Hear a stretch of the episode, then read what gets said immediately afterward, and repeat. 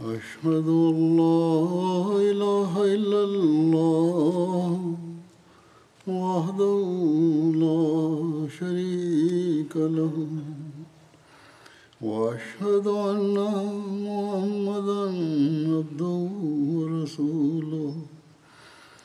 أما بعد فأعوذ بالله من الشيطان الرجيم. بسم الله الرحمن الرحيم. الحمد لله رب العالمين. الرحمن الرحيم. مالك يوم الدين. إياك نعبد وإياك نستعين. اهدنا الصراط المستقيم. صراط الذين أنعمت عليهم غير المغضوب عليهم ولا الضالين. يرحل منها بعد قضاء فترة معينة. ولكن السعداء هم الذين يتركون وراءهم ذكريات حسنة ويكونون ممن ينفعون الناس ويقدمون نموذجا عمليا لتقديم الدين على الدنيا. ويسعون جاهدين في حياتهم للعمل بأحكام الله ورسوله. ويحاولون أداء حق بيعة المسيح الموعود عليه السلام.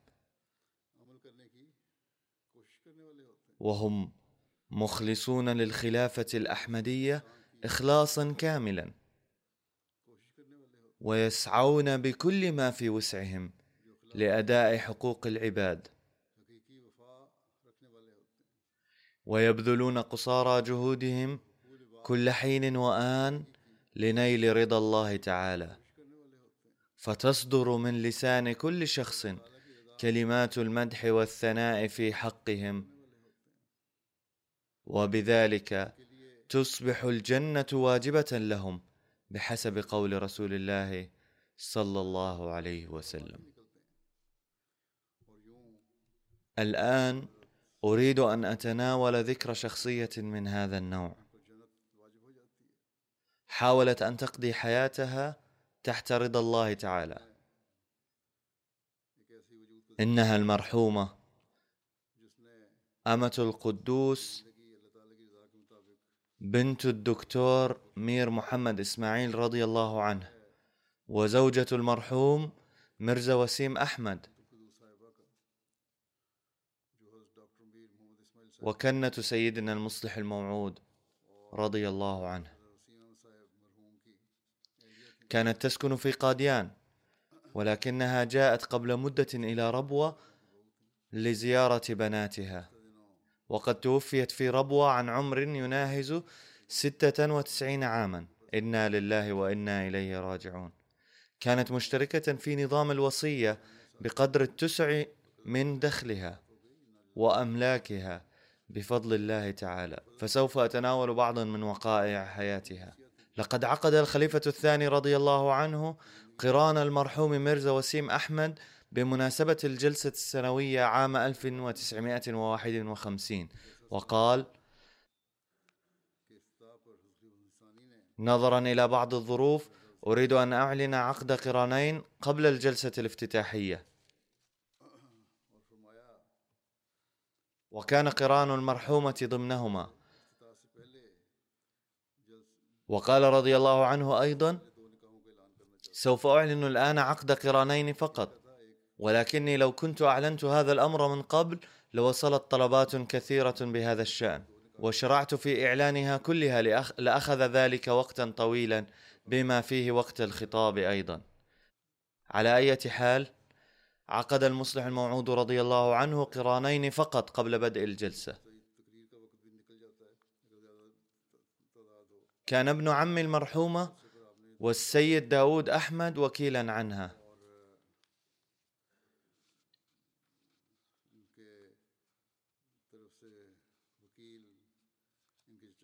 وقال أيضا سيدنا المصلح الموعود رضي الله عنه في أثناء إعلان النكاح إنني أزوج بناتي مع واقفي الحياة عادة.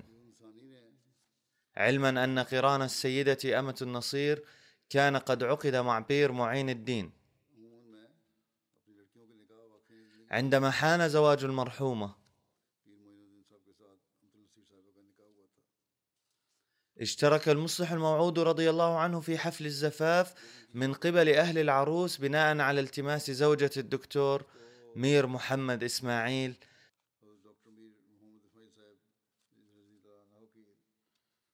بدلا من أن يشترك في موكب زواج ابنه.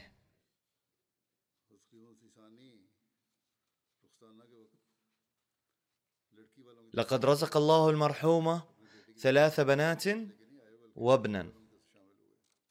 إحدى بناتها هي السيدة أمة العليم وتخدم رئيسة للجنة إماء الله في باكستان وهي زوجة السيد نواب منصور أحمد خان الوكيل الأعلى لمؤسسة التحريك الجديد.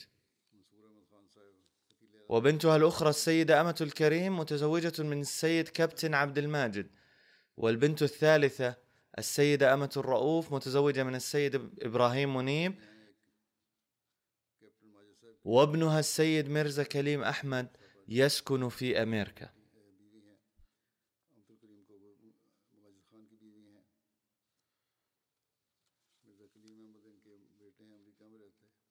كان ميرزا وسيم أحمد موجودا في ربوة بعد بضعة أيام من الزواج وكان يجهز الأوراق لاصطحاب زوجته إلى قاديان.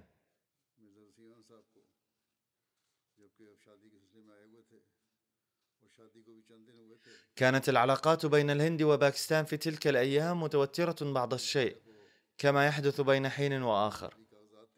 فقال له سيدنا المصلح الموعود رضي الله عنه سوف تتهيأ الأوراق إذا شاءت الظروف ولكن عليك أن تسافر إلى قاديان فورا تاركا زوجتك هنا لأن وجود فرد من أفراد عائلة المسيح الموعود في قاديان ضروري. فعليك أن تحجز تذكرة الطائرة فورا وإن لم تتوفر التذكرة فلتسافر ولو برحلة مستأجرة. لأنه لو لم يكن في قاديان فرد من أفراد عائلة المسيح الموعود عليه السلام لتقديم التضحية فأنى للناس الآخرين أن يقدموها. فسافر ميرزا وسيم أحمد فورا تاركا زوجته وراءه. فمن ناحية كانت هذه تضحية من قبل ميرزا وسيم أحمد ومن ناحية أخرى تضحية من زوجته السيدة أمة القدوس إذ لم يكن معلوما متى تتجهز الأوراق في ظل الظروف المتوترة بين البلدين. إذ كان ممكنا أن تتوتر العلاقات بينهما أكثر. ولما كان الأمر صادرا من خليفة الوقت فقد ودعت المرحومة زوجها بكل سرور وسعادة. وجاء سيدنا المصلح الموعود رضي الله عنه لتوديع ابنه إلى المطار. وقال الدكتور حشمة الله أنه رضي الله عنه ظل ينظر إلى الطائرة بعد إقلاعها ويدعو ما لم تغب عن الأنظار.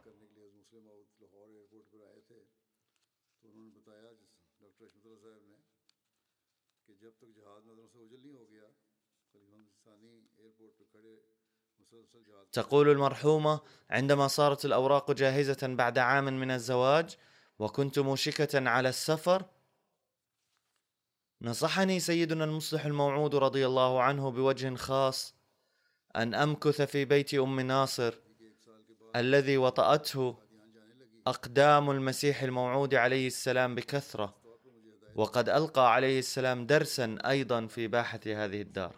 لقد لعبت السيدة أمة القدوس دورا بارزا في لم شمل سيدات الجماعة بعد ذهابها إلى قاديان. وتنظيم أمورهن ومواساة عائلات الدراويش وطمأنتهن.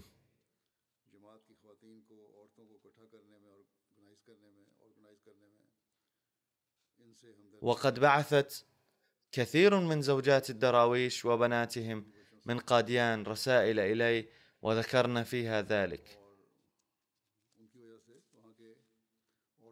ألقى سيدنا الخليفة الرابع رحمه الله أول خطبة بتاريخ الرابع من مايو أيار عام 1984 على إثر وصوله إلى لندن ودعا فيها أفراد الجماعة في العالم كله بكلمات المسيح الموعود عليه السلام من أنصاري إلى الله؟ وأعلن برنامجا واسعا لنشر الإسلام. وقال بأننا بحاجة إلى مبنى واسع لتحقيق هذه الأهداف. وهناك تخطيط لبناء مركزين جديدين في أوروبا. أحدهما في بريطانيا وآخر في ألمانيا. وسيئ الله تعالى أموالا لهذا الغرض. فطلب حضرته من أفراد الجماعة أن يساهموا في هذا المشروع. كانت المرحومة أمة القدوس رئيسة للجنة إماء الله في الهند حين ذاك. فلبت لجنة إماء الله دعوة الخليفة بسخاء. فكتبت السيدة أمة القدوس في تقريرها إلى حضرته لقد ساهمت لجنة إماء الله في الهند بفضل الله لهذا المشروع بسخاء وقدمنا كل ما كان عندهن, من النقود أو الحلي. وقد قدمت المرحومة حليها أيضا وأرسلت الوعود من عضوات لجنة إماء الله في الهند إلى الخليفة الرابع رحمه الله. فذكر حضرته لجنة إماء الله في الهند في خطبته ليوم الجمعة بتاريخ العاشر من أغسطس آب عام 1984 لقد وصلني تقرير عن لجنة إماء الله في قاديان وكنت أنتظره في الحقيقة لأنه عندما بدأت سلسلة التضحيات في مشروع التحريك الجديد وفقت عضوات لجنة إماء الله في قاديان للتضحية غير العادية.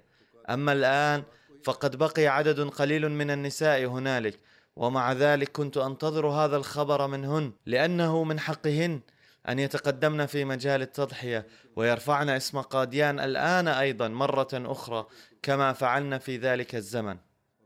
فأحمد الله تعالى على أنني تلقيت هذا التقرير الذي تقول رئيسة لجنة إماء الله في الهند إن عضوات لجنة إماء الله وناصرات الأحمدية في قاديان املينا وعودهن في مشروع بناء المراكز الجديدة وارسلناها إلى حضرتكم في السادس عشر من حزيران يوليو. وأضافت قائلة إن خطب حضرتكم قد أنشأت في النساء هنا حرقة واضطرابا. فقدمنا بفضل الله تعالى كل ما كان عندهن ولكن عطشهن لم يخمد بعد. بل لازلن يجدن في أنفسهن اضطرابا شديدا ليقدمنا المزيد في سبيل الله. هذا ما كتبت المرحومة إلى الخليفة الرابع رحمه الله. وعندما زار حضرته قاديان في عام 1991 قال في أثناء زيارته: لا أستطيع أن أقول لجميع عضوات لجنة اماء الله في الهند ولكني أستطيع القول عن عضوات اللجنة في قاديان إنهن ضربن أمثلة عديمة النظير في التضحية المالية.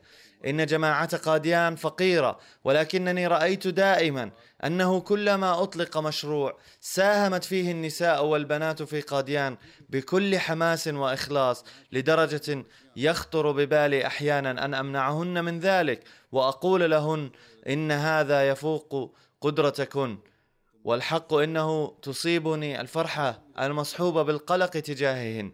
ثم أفكر إن الله الذي قدمنا التضحيات في سبيله هو أعلم كيف سيعطيهن اضعافا مضاعفة والله تعالى سوف يملأ مستقبلهن بثروات الدين والدنيا. وقال رحمه الله بمناسبة أخرى ذات مره أطلقت مشروعا عن بناء مراكز جديدة فقامت البنات الأحمديات بفتح صناديقهن الصغيرة التي كنا قد جمعنا فيها بعض النقود ودفعناها في سبيل الدين.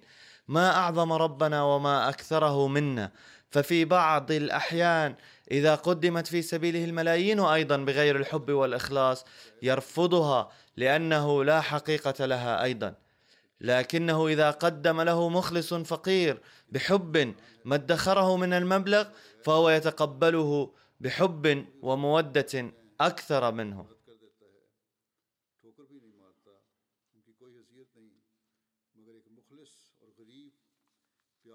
فكما أن كنا تستلمن هدايا محبيكن وأحبائكن وتقبلنها أيضا فلله أيضا أسلوب للتقبيل.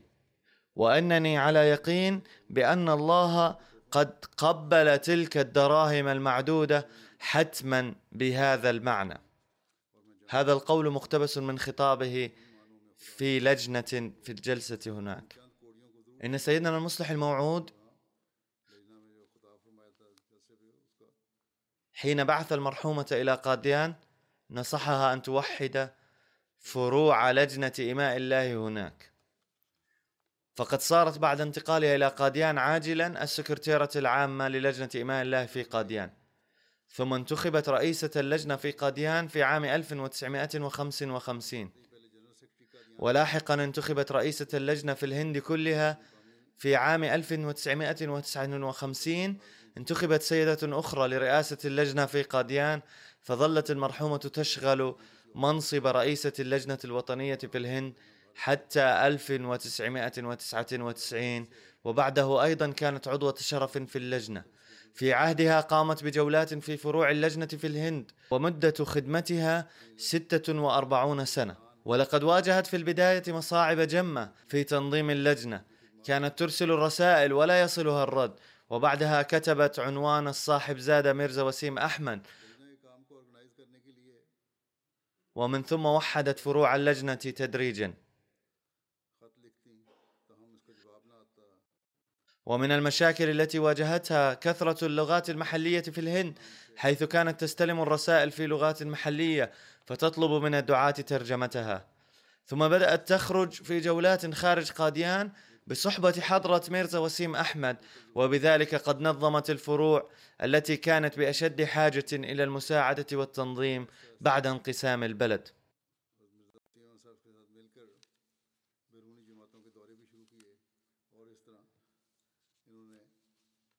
تقول ابنتها أمة العليم كانت والدة المرحومة قد شكلت فريقا لتلخيص الرسائل المرسلة إلى حضرة الخليفة الرابع. فكان الملخص يرسل إلى حضرته وقد أبدى به إعجابا كبيرا. لقد خدمت المرحومة القرآن الكريم كثيرا فقد علمت أكثر من 250 ابنة القرآن الكريم. فطالبات المدرسة كنا يأتين بعد في عدة فرق صباحا ثم ظهرا. والبنات اللائي كن يتقدمن لامتحان البكالوريا يأتين إلى قاديان لثلاثة أشهر ويقمن بها فترة التوقف عن الدراسة. تقول ابنة المرحومة إن والدتي كانت تعلمهن ترجمة القرآن الكريم صباحا وظهرا ومساء. فقد نظمت فروع لجنة إماء الله كثيرا. فقد علمت النساء العمل ببذل جهود حثيثة. كانت تنصحهن بالارتباط بنظام الخلافة من خلال سرد الأحداث والوقائع. ومن ثم كانت علاقة أولئك البنات تتقوى بالخلافة. وكانت صفتها المميزة هي الضيافة. تقول ابنتها إنها دوما تعاونت مع أبي حيث كان يعيش اوضاعا فقيرة جدا. في الغداء كان يطبخ في البيت مجروش مونغ فقط. ومن أجل الحليب واللبن كان والدي قد ربى جاموسا وإذا جاء ضيف قدمت له والدتي ما تيسر من الطعام بدون تكلف كما كانت تقدم له الشاي أو الشراب الحلو أيضا بحسب الطقس. ولاحقا حين تيسرت الأوضاع كانت تقدم للضيوف الطعام بحسب الإمكانية. وكان الناس يأتون إلى بيتنا كأنهم يأتون إلى بيتهم الخاص. كانت زوجة رائعة تساعد زوجها في كل الظروف وتقف معه في كل المشاكل. ولم تطلب منه شيئا قد وكل ما أعطاها زوجها مرزا وسيم أحمد عاشت به بكل سرور. وكان الله سبحانه وتعالى يبارك فيه كثيرا. وكانت تحب النظافة وكانت مدبرة. تقول ابنتها حين توفي والدي ميرزا وسيم أحمد رأت أمي في الرؤيا أنها تستعد للسفر الأخير. ثم رأت سيدنا الخليفة الثالث يقول لها لم تحصلي على الفيزا بعد. فعاشت بعدها بفضل الله تعالى طويلا.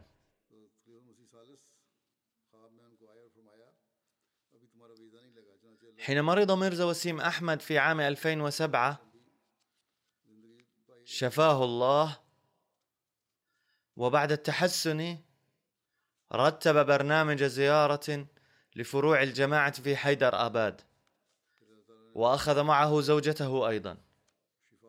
وهناك رأت المرحومة رؤيا منذرة فهمت منها كأنه الوقت الأخير لميرزا وسيم أحمد رغم أنه كان يتمتع بصحة جيدة. فأصرت عليه أن يعود إلى قاديان فمرض فور عودته إلى قاديان وتوفي هناك. كانت المرحومة قد فقدت بصرها وسمعها في أواخر حياتها.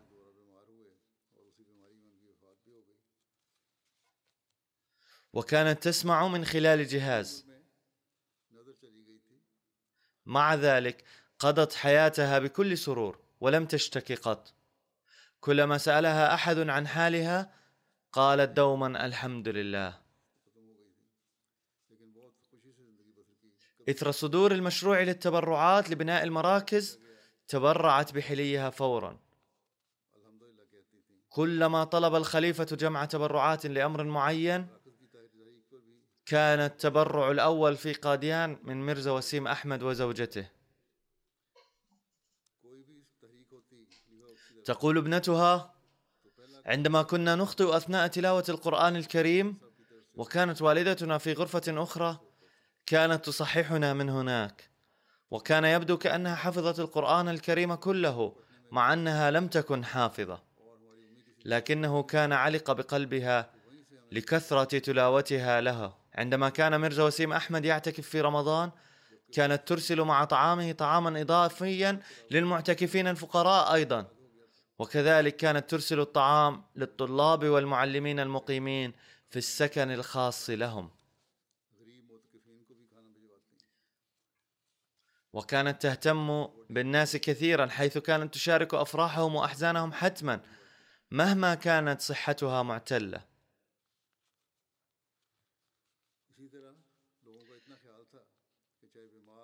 كان الناس في قاديان على درجات متفاوتة من السعة المالية.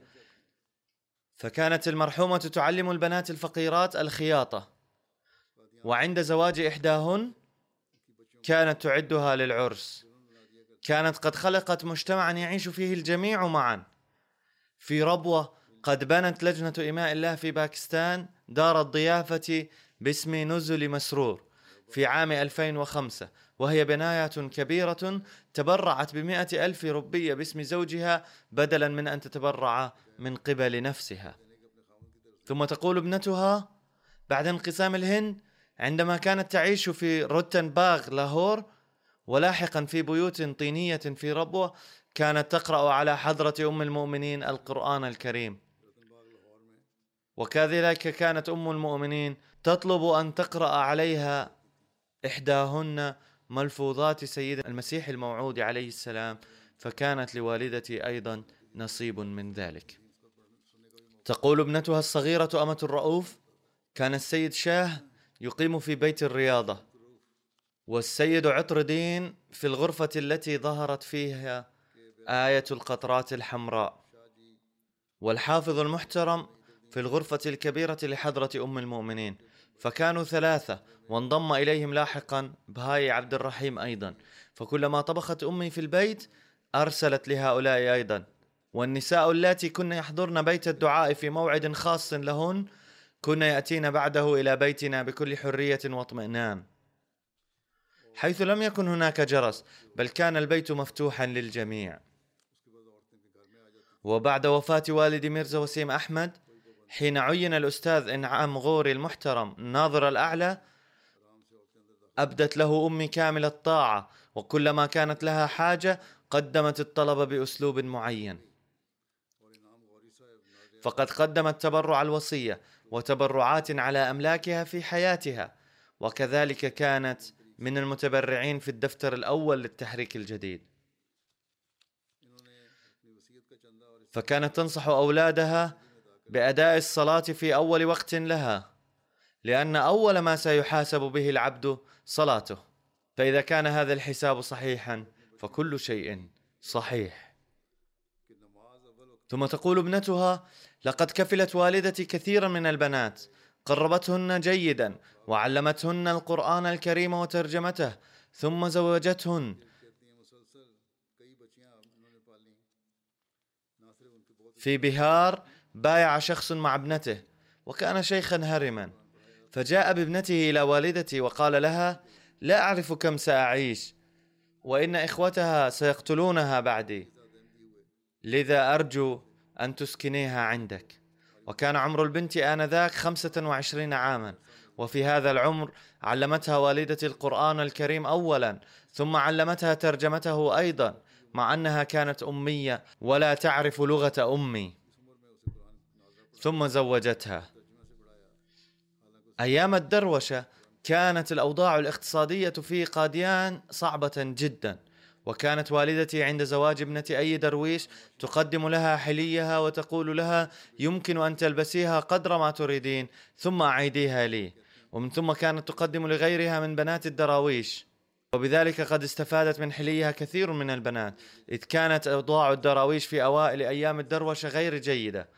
ولاحقا حين كبر الأولاد وخرجوا من هناك وبدأوا يكسبون المال فكانوا فكانوا يودعون عند والدتي ما يوفرون من المبالغ أمانة لأنهم كانوا يرون بيوتهم غير محفوظة. وكانت والدتي تحفظ كل الأمانات في خزانة وكانت لبعضهن مجوهرات ولبعضهن مبالغ نقدية فقد رأيت عند أمي أمانات متنوعة كثيرة. وعندما كانت إحداهن تأتي لتستعيد أمانتها كانت تطلب مني أن أحضر الأمانة من الجزء كذا من الخزانة. وعندما كانت تسلم لها الأمانة تطلب منها أن تفتح الكيس أمامها اولا لتتأكد هل كل شيء موجود؟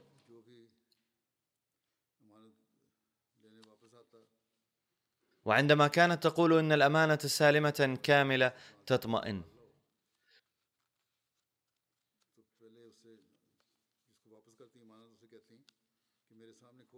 كل الدراويش كانوا من العائلات الجيدة لكن الفقر كان سائدا في ذلك الزمن. وكانت المرحومة ترى أن بناتهم إذا كن يتابعن الدراسة بعد تعليمهن الابتدائي فحسن وإلا كانت تدعوهن إلى مكتبها في لجنة اماء الله وتستعين بهن في أعمال الجماعة. ذلك لكي لا يجلسن في بيوتهن عاطلات. إنما ينجزن أعمال لجنة إماء الله إلى أن يتزوجن لم يكن لها مكتب خاص في البيت للقيام بأعمال لجنة إماء الله. وإنما اتخذت غرفة من بيتها مكتبا لإنجاز تلك الأعمال. وفي هذه الغرفة نفسها كانت بناتها يقمن بأعمال مدرستهن. كان بيتها مزدحما دوما ولكنها كانت تنجز أعمالها كلها ببشاشة. كانت تقدم الضيافة مثل الشاي وغيره للفتيات اللواتي يأتين لمساعدتها في أعمال لجنة إماء الله. وإذا كان موعد الطعام فكانت تقدم لهن الطعام أيضا وكانت تدرب هؤلاء البنات على ترتيب المائدة للطعام أيضا.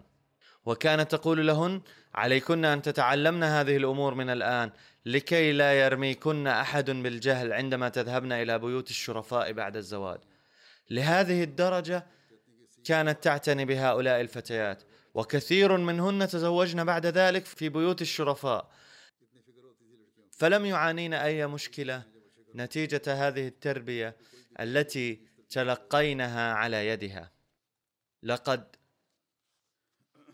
ذكرت عديد من السيدات هذا الأمر وقلنا أنهن تلقين هذه التربية من المرحومة.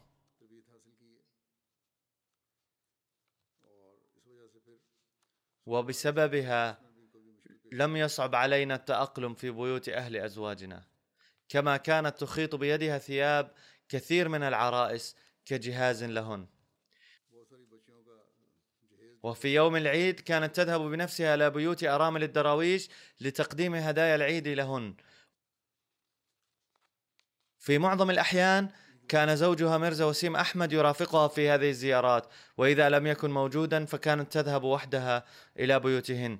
ذات مرة قيل له إن فلانا قد بنى في ربوة بيتا فخما فما كان من أمي المرحومة أن قالت أما أنا فقد قلت لربي أمرا واحدا هو أنني قد وجدت هنا في قاديان هذا البيت المبارك للعيش وقد نزلت فيه بصفة زوجة لابن حضرة الخليفة الثاني وهذا يكفينا غير أني أسألك يا رب أن تعطيني بيتا عظيما في الجنة حتما. هذه هي عظمة العبد المؤمن وزهده في متع الدنيا. لقد كتبت المرحومة عن أبيها حضرة مير محمد إسماعيل كنت من صغري نفيسة الطبع لذلك كان حضرة المير لا يسمح لأحد سواي بالدخول في غرفته لتنظيفها. ما كنت أحرك أي شيء في غرفتي من كتب وأوراق وغيرها من مكانه بل كنت أضعه في مكانه بالضبط بعد تنظيف المكان. وكان يقول أبي لا يدخلن في غرفتي إلا أمة القدوس. كانت بعض البنات يتعلمن القرآن الكريم على يد حضرة عبد الرحمن جد. أما والدتي فكانت تسأل كل بنت تتجاوز امتحان الثانوية ما إذا كانت قد بدأت تعلم ترجمة معاني القرآن الكريم أم لا.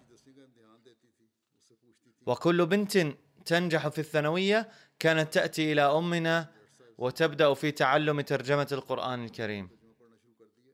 كانت أمي تدير ثلاثة دروس في اليوم الواحد وكانت تكمل تعليم ترجمة القرآن الكريم في ثلاث سنوات وكانت تقوم في أثناء ذلك بشرح بعض الأمور الصرفية والنحوية. فقد كتبت لي كثير من الفتيات والسيدات بأن المرحومة كانت تعلمهن الفقه وغيره أيضا. كانت عندها رغبة عارمة ألا تذهب من قاديان أي بنت إلا وقد أكملت تعلم ترجمة القرآن الكريم على يدها. كانت شديدة الحرص على صلاة التهجد. عندما تدهورت صحتها أكثر في مرضها الأخير كانت توصي بأن توقظ من أجل التهجد. كانت تصوم ما دامت قادرة على ذلك. كانت تذهب بانتظام إلى المسجد من أجل صلاة التراويح في قاديان. كانت تصلي الخمس صلوات في بيتها ولكن في رمضان كانت تذهب إلى المسجد لأداء الصلوات. كانت تحب الخليفة حبا شديدا وتراسله بانتظام وتقول ابنتها إذا عبر الخليفة في جوابه لها عن رضاه لها فكانت تخبرنا بشوق شديد بأن الخليفة قد سر وعبر عن رضاه لي.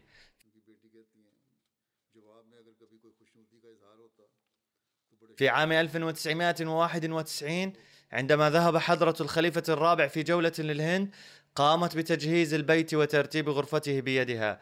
كذلك عندما زرت أنا قاديان في 2005 قامت بنفسها بتجهيز غرفنا وترتيب أسرتنا وغير ذلك.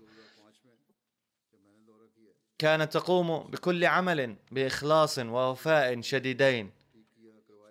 ومع أنني أصررت عليها أن طعامنا سيعد في مكان آخر إلا أنها أصرت على إرسال وجبة أو طبق لنا من بيتها كل يوم ثم ظلت ترسل لنا هذا الطعام وكانت تصنعه بعناية فائقة.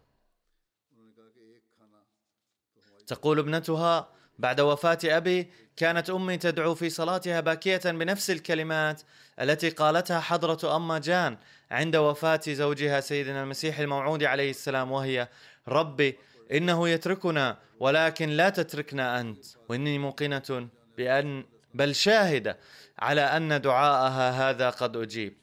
لأننا حصلنا بعد ذلك على التأشيرات المتعددة مما سهل علينا السفر إليها فلم تشعر بالوحدة والانفراد إذ كانت بناتها تزورها بكثرة. علما أن بناتها كلهن كن قد انتقلن بعد الزواج إلى باكستان من قاديان. يقول ابن المرحومة كان معظم الضيوف يقيمون في دار المسيح عادة وكانت أمنا تدربنا. إذا بلغنا العاشرة أو الحادية عشرة كيف نوصل الماء الساخن إلى غرف الضيوف؟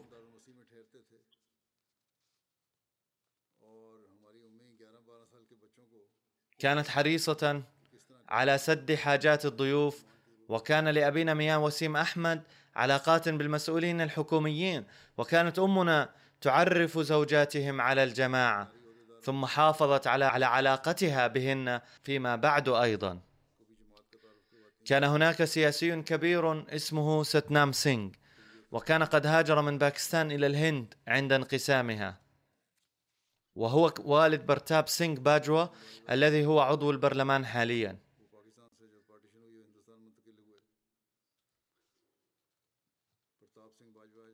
كانت زوجته أيضا تزور بيتنا بكثرة. بل كانت تترك أماناتها عند امي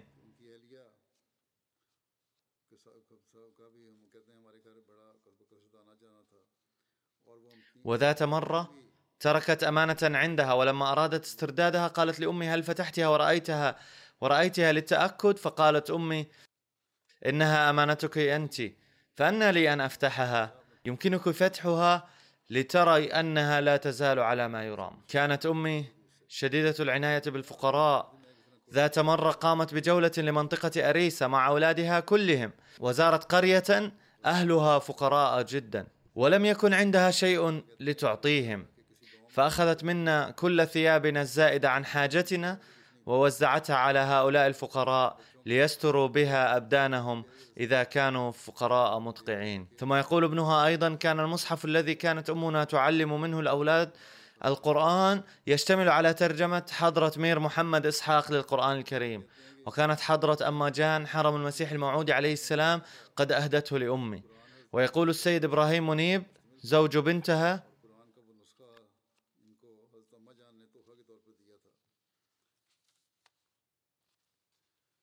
ظلت المرحومة مقيمة في قاديان بعد وفاة ميا وسيم أحمد إلى عشر سنوات. وعندما مرضت مرضا شديدا جاءت بها بناتها إلى ربوة. أما قبل ذلك فكانت تأشيرتها تمدد بفضل الله تعالى ولكنها كانت تقول دوما لن أبقى خارج قاديان لمدة طويلة وما لم يسمح لي الخليفة فلن أبقى خارجها أكثر من بضعة أشهر. وعندما كتبت لي بهذا الشأن قلت لها يمكنك أن تبقي في ربوة ما شئت ويمكنك تمديد التأشيرة كما تشائين وبعد اذني لها ذهبت إلى ربوة ومكثت هنالك لفترة.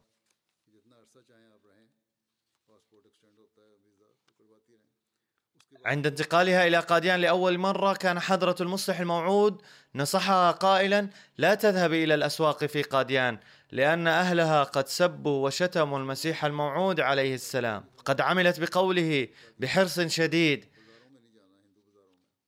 حيث لم تخرج إلى أسواق قاديان قط.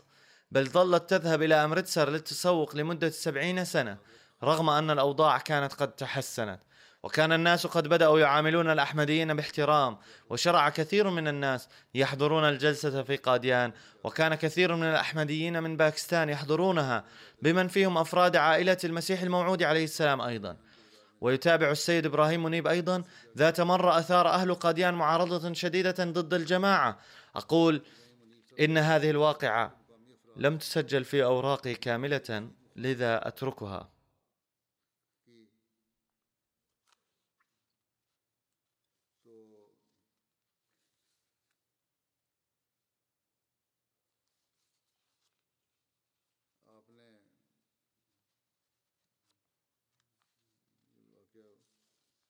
وكتبت حفيدة المرحومة كان الصغار في قاديان ينادونها جدة وكانت تعاملهم كلهم كالجدة بمحبة وشفقة.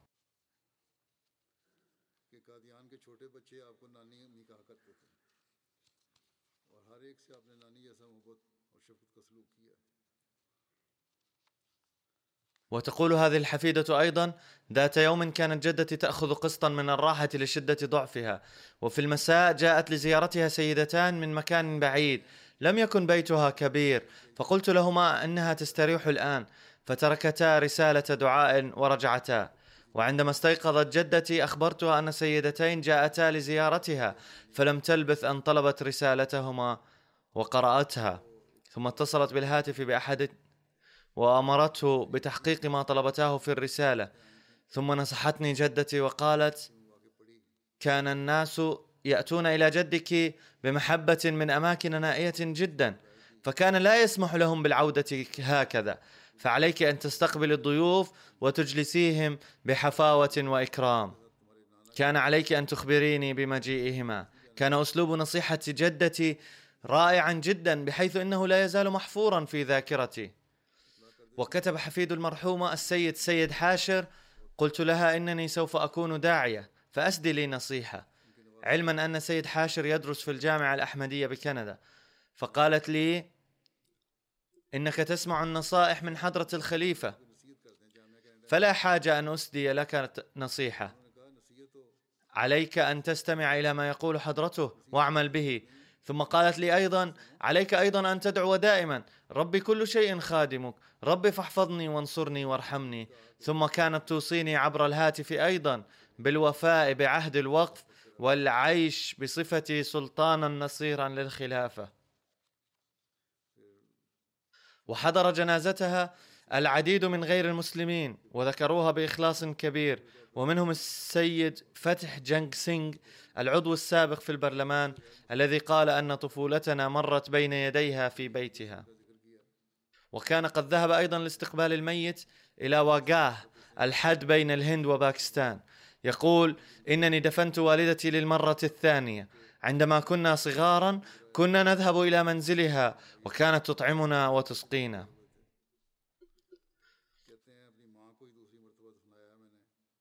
وتقول حفيدتها ابنة ابنتها السيدة مالة كانت المرحومة قدوة لنا في حب الخلافة والطاعة لها.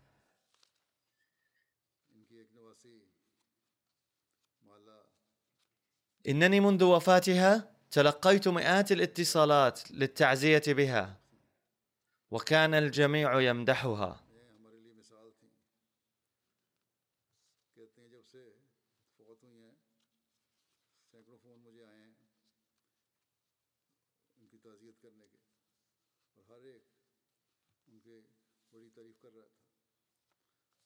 ثم ذهبت إلى أقاديان وأقامت بها لبعض الوقت وتقول إنني رأيت كم يحبها أهل قاديان وكم تحب هي أهل قاديان.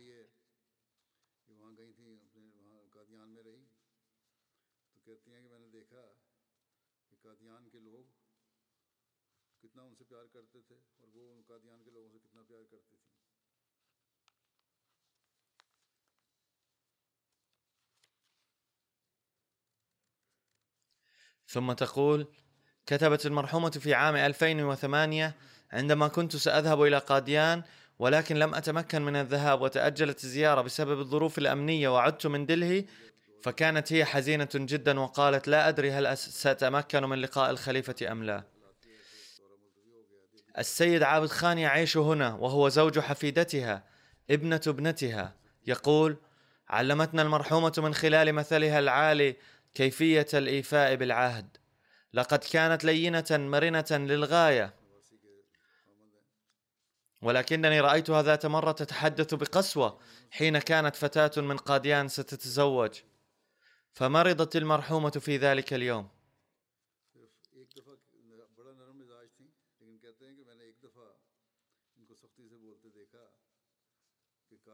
وكانت تعاني من صداع شديد. فلما رأت حفيدتها, حفيدتها مرضها قالت لها يمكنك أن تعتذري ولا تحضري العرس. خذي راحة اليوم.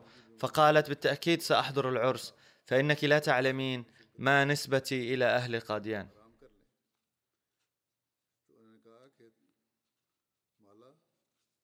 ثم تقول السيدة عقيلة عفت زوجة الدكتور بشير أحمد ناصر درويش قاديان كانت المرحومة دائما ترشد زوجات الدراويش وبناتهم ضمن تنظيمي ناصرات الأحمدية ولجنة إماء الله. كانت ماهرة في أداء الأمور الإدارية بشكل جيد للغاية. وفي أثناء العمل معها كان المرء يشعر بحبها وعطفها ودعمها وشرفها واحترامها. كانت تريد نقل جميع الأعمال والمسؤوليات إلى الجيل القادم. لقد كانت إنسانة واثقة من نفسها ومنظمة. كل ما فعلته كانت في عملها نظافة. علمتنا القرآن الكريم بالترجمة كما علمتنا الفقه أيضا.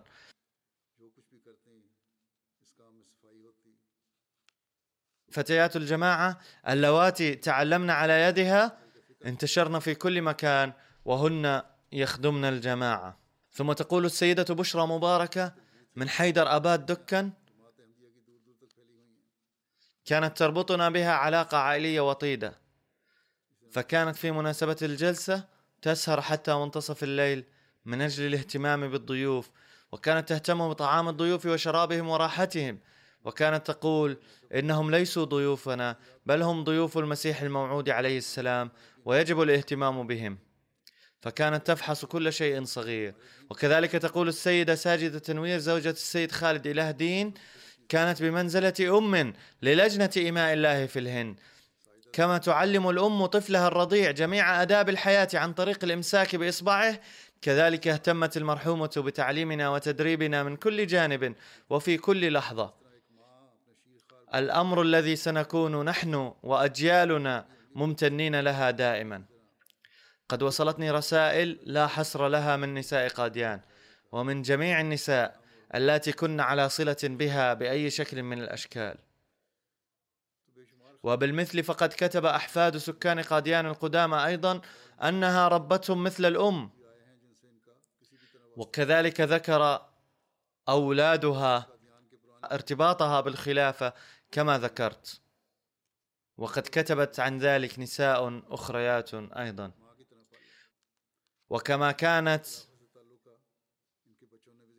نموذجا للولاء لخليف للخليفة الثاني رضي الله عنه.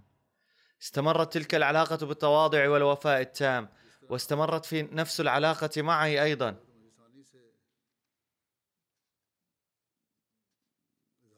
ومثال ذلك أنها هنا أيضا قابلتني بأدب واحترام كبيرين. لقد زرت قاديان عام 2005 حاولت القيام بحسن الضيافة وباهتمام. ثم كانت تسعد للغاية في كل لقاء وكان ذلك ظاهرا على وجهها. وفي عام 2005 عند عودتي جاءت من قاديان إلى دلهي على الرغم من اعتلال صحتها. نسأل الله تعالى أن يرفع درجاتها ويوفق أولادها لمواصلة أعمالها الصالحة والمحبة التي أظهرتها لأهل قاديان. وفقهم الله أن يعيشوا بنفس المحبة لبعضهم البعض. والآن لم يعد في قاديان أي شخص له قرابة مباشرة لعائلة المسيح الموعود عليه السلام. نسأل الله تعالى أن يجعل هناك ظروف يتمكن أحد من الذهاب إليها. رفع الله درجات المرحومة. هناك جنازة حاضرة. هل جاءت الجنازة؟ وهي للسيد محمد أرشد أحمدي من المملكة المتحدة. توفي مؤخرا عن عمر يناهز الحادي والسبعين عاما. إنا لله وإنا إليه راجعون. وهو ابن يوسف أحمدي الذي بايع المسيح الموعود عليه السلام في نيروبي. كان المرحوم ابنه أو حفيده. المهم بايع يوسف أحمدي المسيح الموعود عليه السلام. وكان المرحوم من جيله. جاء إلى, إلى المملكة المتحدة من نيروبي في سن الخامسة عشرة. كان متزوجا من أمة البصير وهي ابنة حضرة خليفة صلاح الدين وحفيدة الدكتور خليفة رشيد الدين الصحابي للمسيح الموعود عليه السلام. وبفضل الله كان مرحوم منخرطا في نظام الوصية وترك وراءه ولدين وبنتا إلى جانب زوجته. كانت له علاقة قوية بالجماعة أينما أقام. استمر في خدمة الجماعة في مناصب مختلفة. عمل في مجلس خدام الأحمدية كمهتمم. وخدم الجماعة كسكرتير وطني للنشر في بريطانيا العظمى لأكثر من عشرين عاما. لقد كان شخصا واسع المعرفة. وعندما ألف سلمان رشدي كتابا مسيئا إلى الرسول الكريم صلى الله عليه وسلم ألف المرحوم كتابا يرد عليه بأمر من الخليفة الرابع رحمه الله وفي ضوء تعليماته.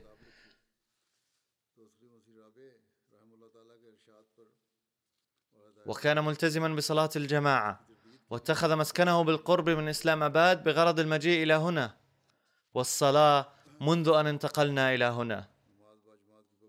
وكان يحب النبي صلى الله عليه وسلم والمسيح الموعود عليه السلام وكان مواظبا على تلاوة القرآن الكريم. كان الفقيد مولعا بالتبليغ ويدفع التبرعات بانتظام ويلتقي الناس بالحب والمودة. كان انسانا مخلصا شديد الإخلاص للخلافة. قال عنه حضرة الخليفة الرابع رحمه الله ذات مرة لقد وجدت دائما السيد أرشد أحمدي مطيعا قلما وجد نظيره. كل ما قلته له قبله على الفور. ولذلك هناك قيمة كبيرة في قلبي له ولجميع أفراد الأسرة بسببه. وفي الواقع استمرت هذه الطاعة مع الخلافة فيما بعد أيضا وقد رأيته أنا أيضا متواضعا ومخلصا للخلافة. لقد أعطى دائما الأولوية لشرف الجماعة وعزها. نسأل الله تعالى أن يعامله بالرحمة والمغفرة. وأن يديم حسناته في أبنائه. ولديه ابن وقف حياته لخدمة الدين. هناك جنازة الغائب أيضا وهي للسيد أحمد جمال الذي هو أمريكي من أصل أفريقي. عاش في أمريكا وتوفي مؤخرا عن عمر يناهز الثانية والتسعين. إنا لله وإنا إليه راجعون. ولد عام 1930 وفي عام 1951 بايع على يد المصلح الموعودي رضي الله عنه. وفي الخمسينيات والستينيات تمكن المتوفى من التبرع بالمال لمسجد صادق في شيكاغو. كان يتمتع بشخصية متواضعة للغاية وكان يكن الكثير من الحب والولاء للجماعة والخلافة. وركب صحنا هوائيا في المنزل أولا لمتابعة MTA ثم كان يتابعه لاحقا عن الإنترنت. كان يستمع إلى خطب بانتظام باهتمام كبير وكان يتحدث عن الخطبة مع من يقابله. لم يكن يستمع فقط بل كان يكتب نكاتها ويتحدث عنها مع الناس. وكان الفقيد يسكن على مسافة تسعين ميلا من المسجد ورغم كبر سنه وسوء حالته الصحية كان يأتي إلى المسجد بالصلاة الجمعة بانتظام. كان يدفع التبرعات بشكل منتظم. لم يحتاج إلى التذكير قط. اشترك في التضحيات المالية الأخرى بحماس. وله ابنة ولكنها ليست من الجماعة. نسأل الله له المغفرة والرحمة وأن يتقبل دعواته في حق ابنته وأن يرزقها أيضا قبول الأحمدية. والآن توجد جنازة واحدة حاضرة واثنتان غائبتان. بعد صلاة الجمعة سأصلي عليهم جميعا.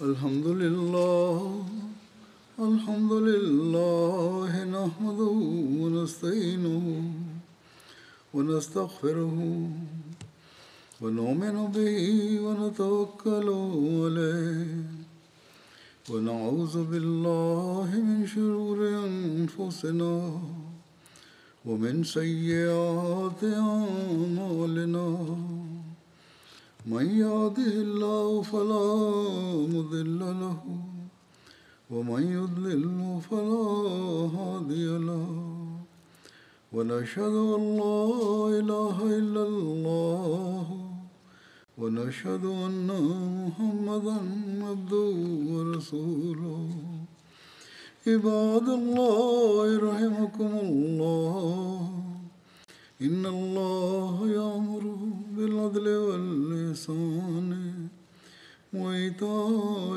ذي القربى وينهى عن الفحشاء والمنكر والبغي يعظكم لعلكم تذكرون اذكروا الله يذكركم ودوه يستجب لكم ولذكر الله أكبر